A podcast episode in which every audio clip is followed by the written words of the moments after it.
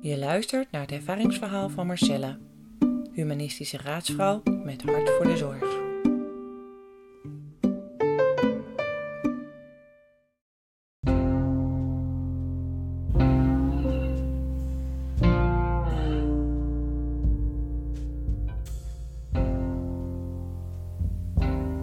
We zitten vanmiddag in avondrust.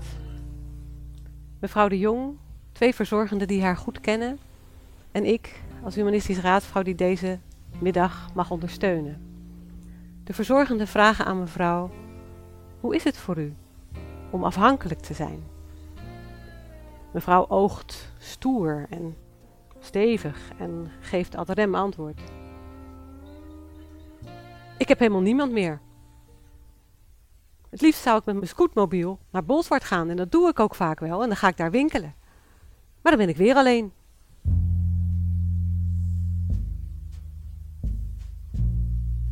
De verzorgenden zeggen: Ja, maar u heeft ons toch?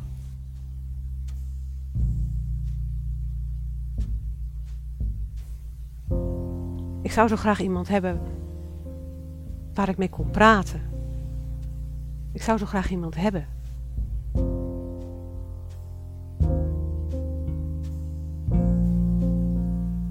En ik zie het kwartje vallen bij de verzorgende. We kennen haar niet. We kennen haar niet echt.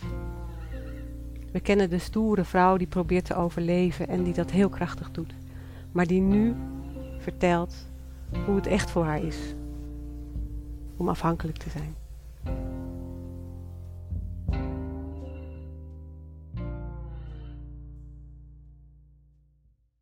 De serie Niet zozeer van zorgdragers bestaat uit meer mooie verhalen.